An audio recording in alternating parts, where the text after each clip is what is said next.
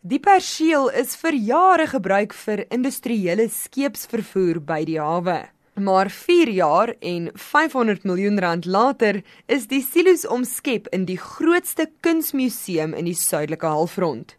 Die museum het 9 vloere waarvan 6 eie tydse kuns uitstal en daar is 'n uitsig oor die see en Tafelberg. Kunstenaars van reg oor die vasteland kan hulle handewerk hier uitstal. For me, this piece of architecture that represents or try to represent the global art scene, contemporary art scene. I think it's a very interesting piece.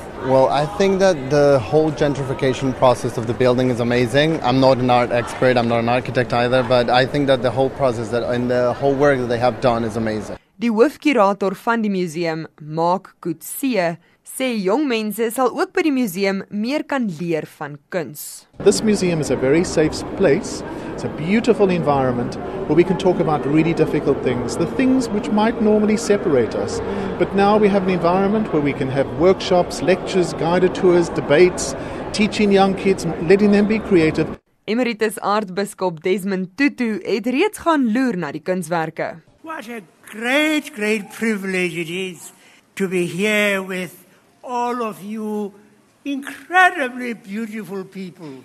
God looks down on South Africa and says, Yalla Machis.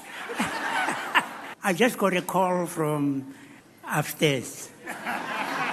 yes, Mari- Mariba says, This is what we, we, we, were, we were fighting for. Die museum bied 600 vierkante meter waar kuns uitgestal sal word met gratis toegang vir kinders jonger as 18 en alle Suid-Afrikaners.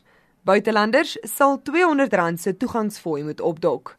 Die bydra deur Mlamli Maneli en ek is Henry Wondergem vir SAK nuus.